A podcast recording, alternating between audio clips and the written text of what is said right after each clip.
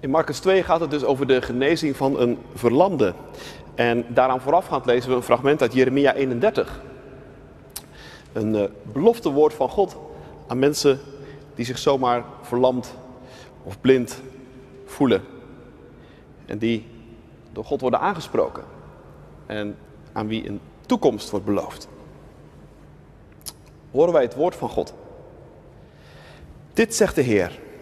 Juich van vreugde over Jacob, jubel aan het hoofd van alle volken. Roep het uit, zing een lofzang.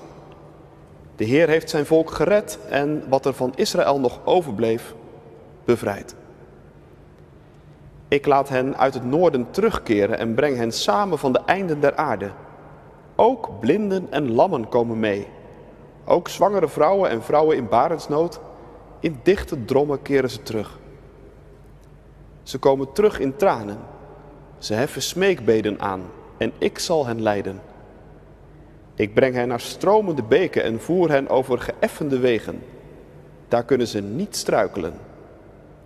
Want ik ben voor Israël een vader en Ephraim is mijn eerstgeboren zoon. Tot zover de eerste lezing uit het Oude Testament. Uit het Nieuwe vervolgen we dus onze lezingen uit het Marcus-evangelie, hoofdstuk 2 vandaag, vers 1 tot en met 12. Toen Jezus enkele dagen later terugkwam in Cafarnaum, werd bekend dat hij weer thuis was. Er stroomden zoveel mensen toe dat er zelfs voor de deur geen plaats meer was en hij verkondigde hun Gods boodschap. Er werd ook een verlamde bij hem gebracht die door vier mensen gedragen werd omdat ze zich niet door de menigte konden wringen, haalden ze een stuk van het dak weg boven de plaats waar Jezus zat. En toen ze een opening hadden gemaakt, lieten ze de verlamde op zijn draagbed naar beneden zakken. En bij het zien van hun geloof zei Jezus tegen de verlamde: Vriend, uw zonden worden u vergeven. Er zaten ook een paar schriftgeleerden tussen de mensen en die dachten bij zichzelf: hoe durft hij dat te zeggen? Hij slaat Gods lastelijke taal uit. Alleen God kan immers zonden vergeven. Jezus had meteen door wat ze dachten en dus zei hij: Waarom denkt u zoiets? Wat is gemakkelijker tegen een verlamde zeggen: Uw zonden worden u vergeven? Of sta op, pak uw bed op en loop?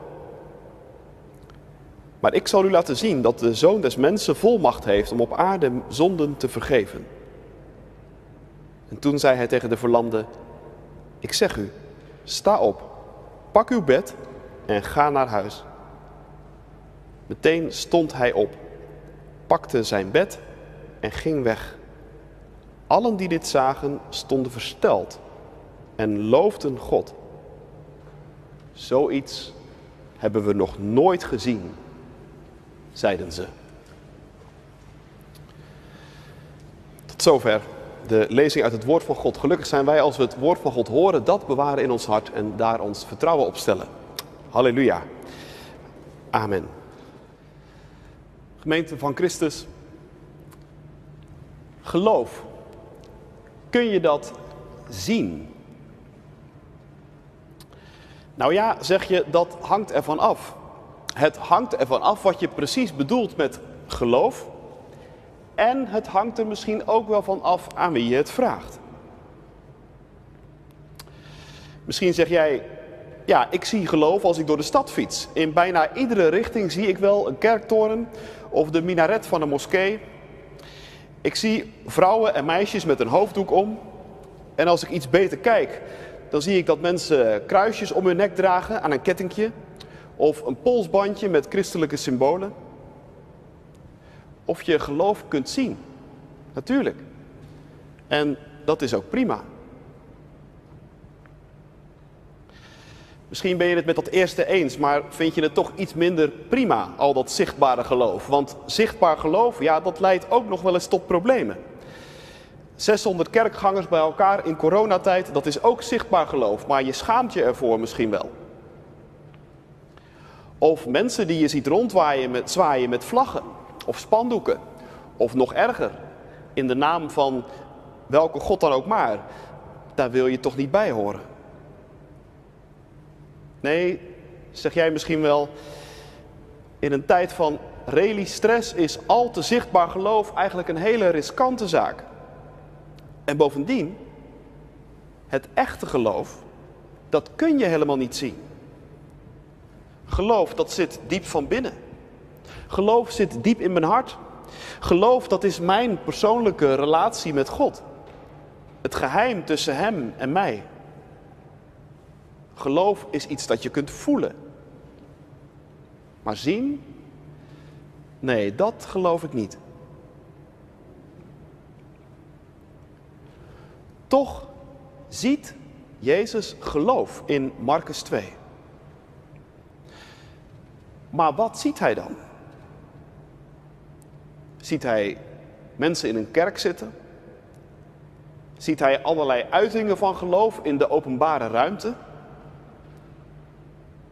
Nee, Jezus ziet iets heel anders. Hij ziet dat er boven zijn hoofd stof en stro, splinters en stukjes klei naar beneden komen dwarrelen. En hij ziet een gat verschijnen. Hij ziet handen die dat gat een beetje groter maken en steeds verder groter maken. En stuk voor stuk uitbreken. En hij ziet alsmaar meer licht door dat gat naar binnen vallen. Hij ziet bezweten hoofden over de rand kijken. En dan ziet hij een matras zakken. Uit de hoge zakt een verlamde op een matras voor zijn voeten neer. Wat heeft dit te betekenen, zullen de mensen gedacht hebben die erbij waren? Moet je je indenken. Misschien stond de eigenaar van het huis er wel bij, met ogen zo groot als theeschoteltjes. Die ziet alleen maar een ernstig beschadigd dak. Hij ziet schade en de vraag is, wie zal dat vergoeden? Maar Jezus ziet dus iets heel anders. Jezus ziet geloof. Jezus ziet vier mannen die tafel hadden en die maar één ding willen, en dat is bij hem in de buurt komen. En die daar kosten nog moeite voor sparen. Want ja, er zijn in deze geschiedenis wel een aantal barrières die overwonnen moeten worden. Om te beginnen zit het huis waar Jezus is stampvol. De mensen staan bij de deur te dringen en de vier, ze maken geen schijn van kans. Maar het houdt hen niet tegen. Kunnen we niet door de deur, dan gaan we wel door het dak, hebben ze gedacht. En is er in het dak geen opening, dan maken we die gewoon. Kijk, zegt Jezus als hij dat ziet. Dit is nou geloof.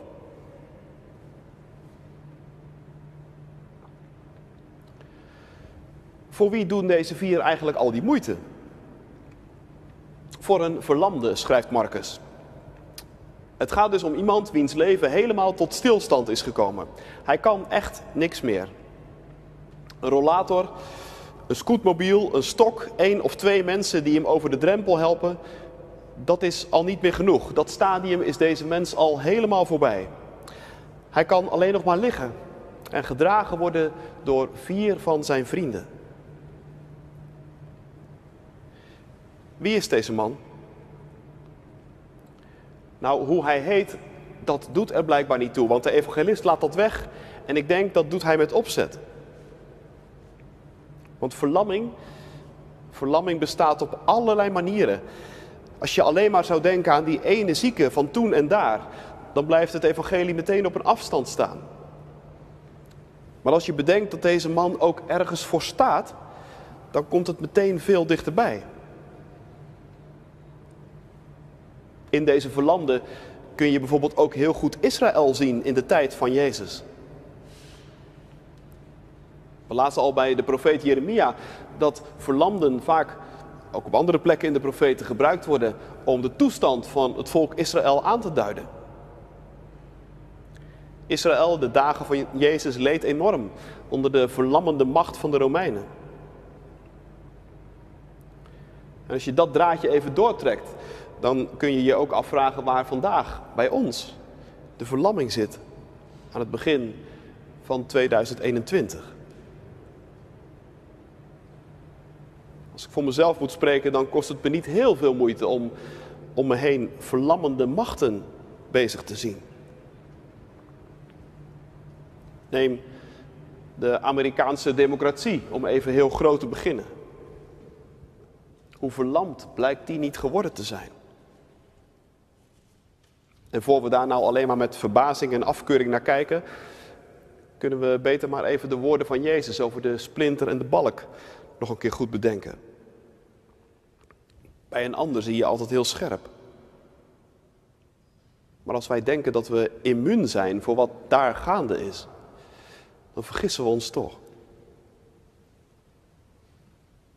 Hoeveel debatten in het parlement en hoeveel gesprekken op de televisie maken niet een ontzettend verlammende indruk. Alsof het ons niet meer lukt om echt te luisteren. En echt de ander proberen te begrijpen. En dat is natuurlijk in het groot, maar als je goed om je heen kijkt, zie je die verlamming ook echt wel in kleiner verband. Als wij aan het begin van een kerkdienst in stilte tot God naderen, dan weet ik dat er heel veel van jullie zijn die op dat moment kinderen of kleinkinderen bij Jezus brengen. Bij wie de beweging van het geloof tot stilstand is gekomen. En als we straks voorbeden doen, ook in stilte, dan weet ik dat er heel veel van jullie zijn die vrienden of een collega, een broer of een zus bij Jezus brengen. Of een kind. Vrienden bij wie je het huwelijk ziet verlammen. Je broer of je zus, waarvan je weet hoe verlammend hun thuissituatie is. Je collega, die verlamd is van verdriet.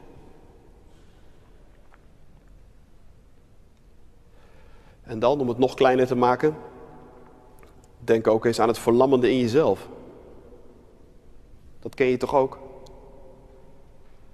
Je verlangen om dingen te veranderen, hoe klein ook, en het wil maar niet lukken. Je betere gelovige ik dat maar niet op wil staan. De ware die je al jarenlang zoekt, maar die je nog niet hebt kunnen vinden. De ziekte die je al zo lang beperkt in je mogelijkheden. Allemaal dingen die je zo kunnen verlammen. Dat je er amper meer om bidt.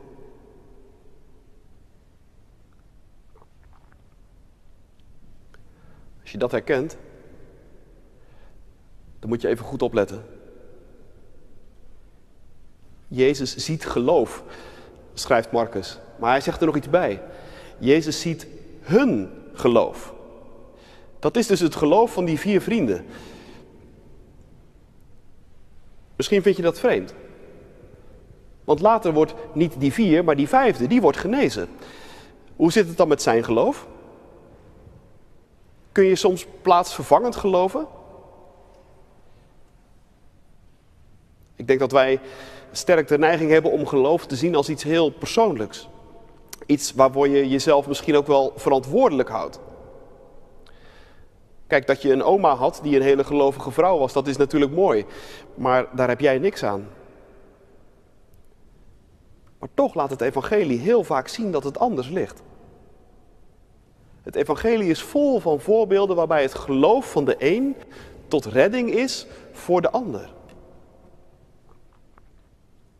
Als die Romeinse hoofdman bijvoorbeeld pleit voor het behoud van zijn knecht, dan zegt Jezus: Zo'n groot geloof heb ik in Israël nog niet gevonden. En dan heeft hij het niet over het geloof van die zieke knecht, maar over het geloof van die hoofdman. Zo is het ook met de vader van de bezeten jongen die om ontferming vraagt voor zijn kind. En wat dacht je van Jairus met zijn gestorven dochtertje? Allemaal voorbeelden waarbij het geloof van de een tot zegen, tot redding is voor de ander.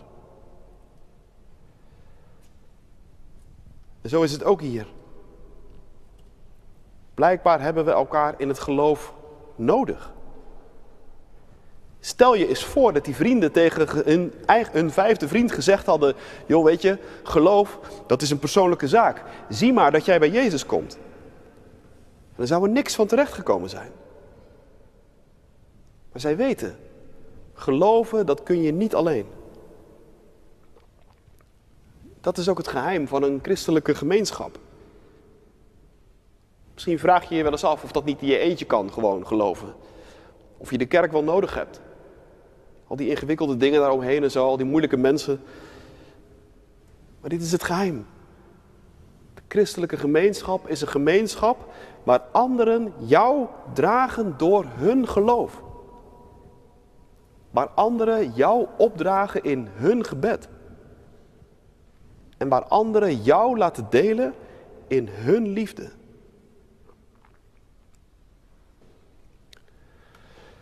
Het omgekeerde is trouwens ook waar. Een christelijke gemeenschap is ook een gemeenschap waarin jij anderen draagt door jouw geloof. Als je zelf bidt voor een ander. Als je zelf omkijkt naar iemand die het moeilijk heeft. Vaak heb je dat zelf maar amper in de gaten hoe dat werkt. Maar geloof me, veel vaker dan je doorhebt, is jouw geloof tot zegen voor een ander. De ene keer ben je zo'n verlamde die anderen neer laten zakken voor de voeten van Jezus. Maar de andere keer ben je een van die taaie, volhardende vrienden. En dat bij elkaar heet in de kerk gemeenschap der heiligen.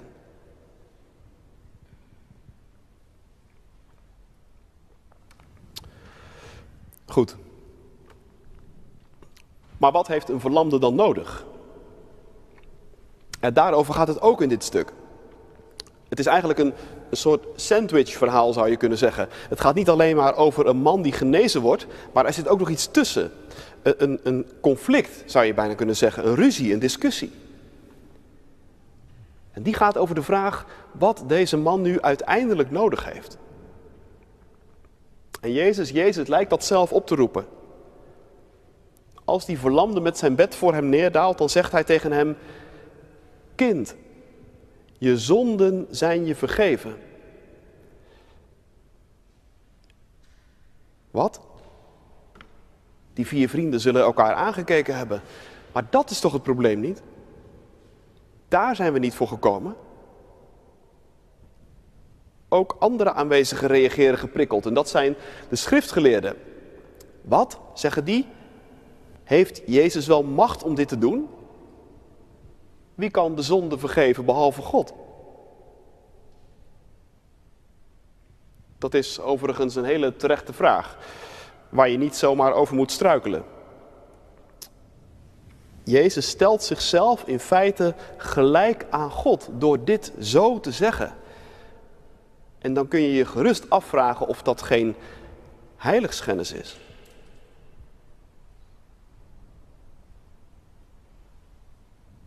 Maar Jezus zegt het.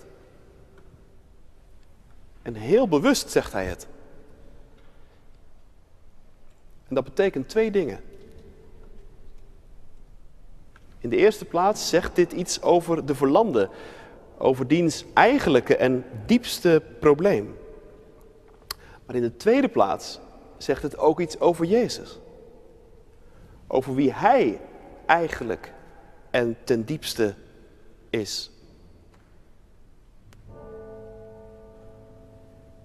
Jezus noemt de verlamde kind. Er zijn verschillende varianten van deze tekst in omloop. In de nieuwe Bijbelvertaling stond vriend, maar ik geef de voorkeur aan de andere variant, kind. Jezus noemt deze verlamde kind. Want nu wordt hij niet langer aangesproken op zijn probleem, een verlamde, maar hij wordt aangesproken op een relatie. Ik noem jou kind, zegt Jezus, want je hebt een vader. Je hebt een vader in de hemel die jouw schepper is.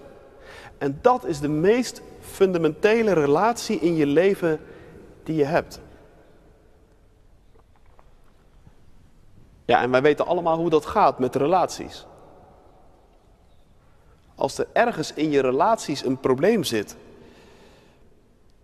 dan kun je nog zo'n flitsend leven hebben.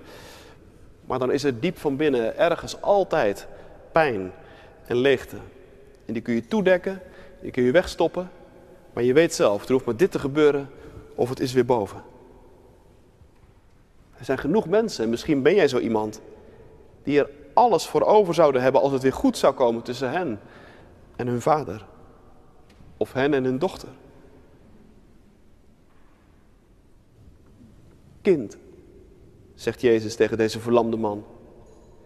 Kind, weet dit.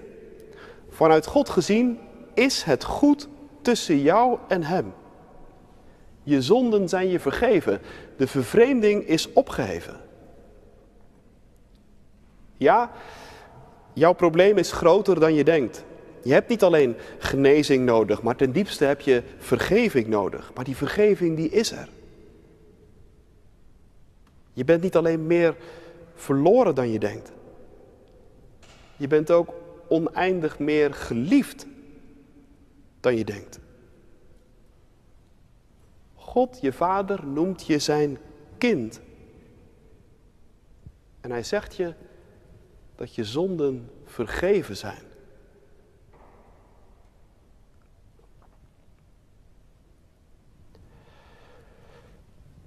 Nou ja, zeg je, dat vind ik eerlijk gezegd ook wel grote woorden. En dat zijn het ook. En dat vonden die schriftgeleerden ook. En daarom vragen ze zich dus af waar Jezus het gezag vandaan had om dat zo te zeggen. In vers 10 legt Jezus het uit. Omdat ik de mensenzoon ben, zegt hij. Daarom kan ik dit zeggen. De mensenzoon. De mensen in Jezus' dagen wisten precies wie dat was. De mensenzoon, dat is een figuur in Daniel 7, een profetische beloofde figuur. Iemand die zo dicht bij God staat dat hij in feite aan hem gelijk is. En die persoon zou volgens de profetie ook verschijnen gaan onder de mensen. Dat is wat Jezus zegt. Ik ben deze mensenzoon. En ik, ik bedoel nu even mezelf, ik mag jou op zijn gezag vandaag verkondigen, kind, je zonden zijn je vergeven.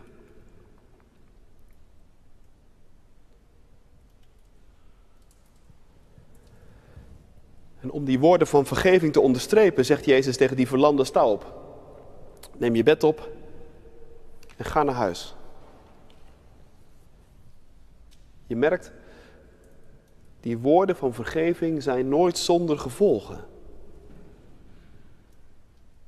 Geloven dat je diepste relatie hersteld is. Geloven dat je zonden vergeven zijn, dat maakt vrij. Dat maakt een einde aan verlamming.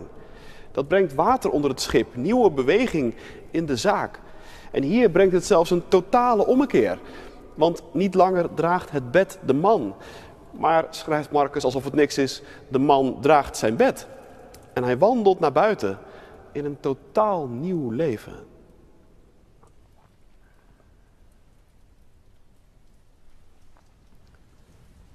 Ongelooflijk, zeggen de mensen.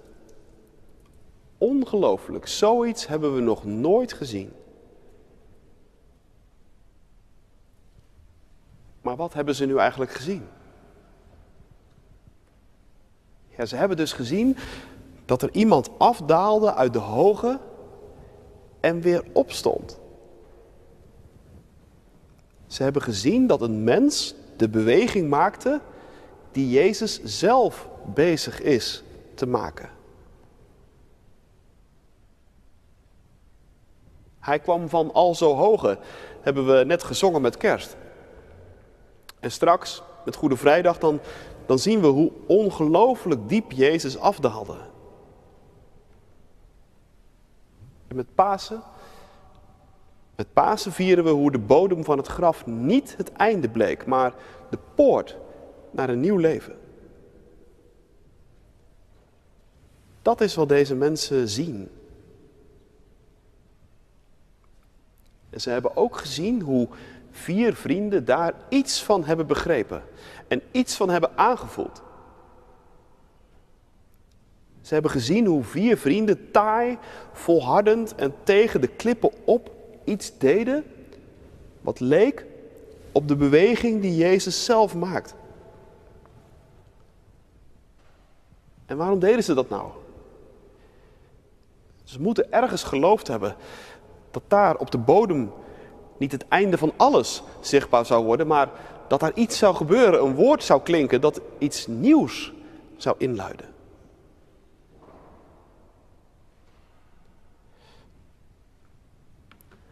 Tot slot. Geloof, vroeg ik aan het begin, kun je dat zien? Nou ja, dat hangt ervan af wat je precies bedoelt met geloof en aan wie je het vraagt. Sommigen zeggen ja en denken vooral aan uitingen van geloof in de openbare ruimte. Anderen zeggen nee en zien geloof als iets heel persoonlijks. Maar als je het aan Jezus vraagt, dan zegt hij nog weer iets heel anders. Jezus denkt bij geloof aan een taai, volhardende gemeente. Die ook in coronatijden blijft volhouden. Jezus denkt bij geloof aan een gemeente die hoop houdt voor verlamde mensen. Voor verlamde situaties. Voor verlamde instituten. Misschien wel voor verlamde culturen. Jezus denkt bij geloof aan mensen, aan een gemeente die in zijn naam kosten nog moeite spaart. Om dat allemaal voor zijn voeten te brengen. Omdat ze daar veel van verwachten. Als Jezus dat ziet, bij ons, bij jou, bij mij, dan ziet hij geloof. Amen.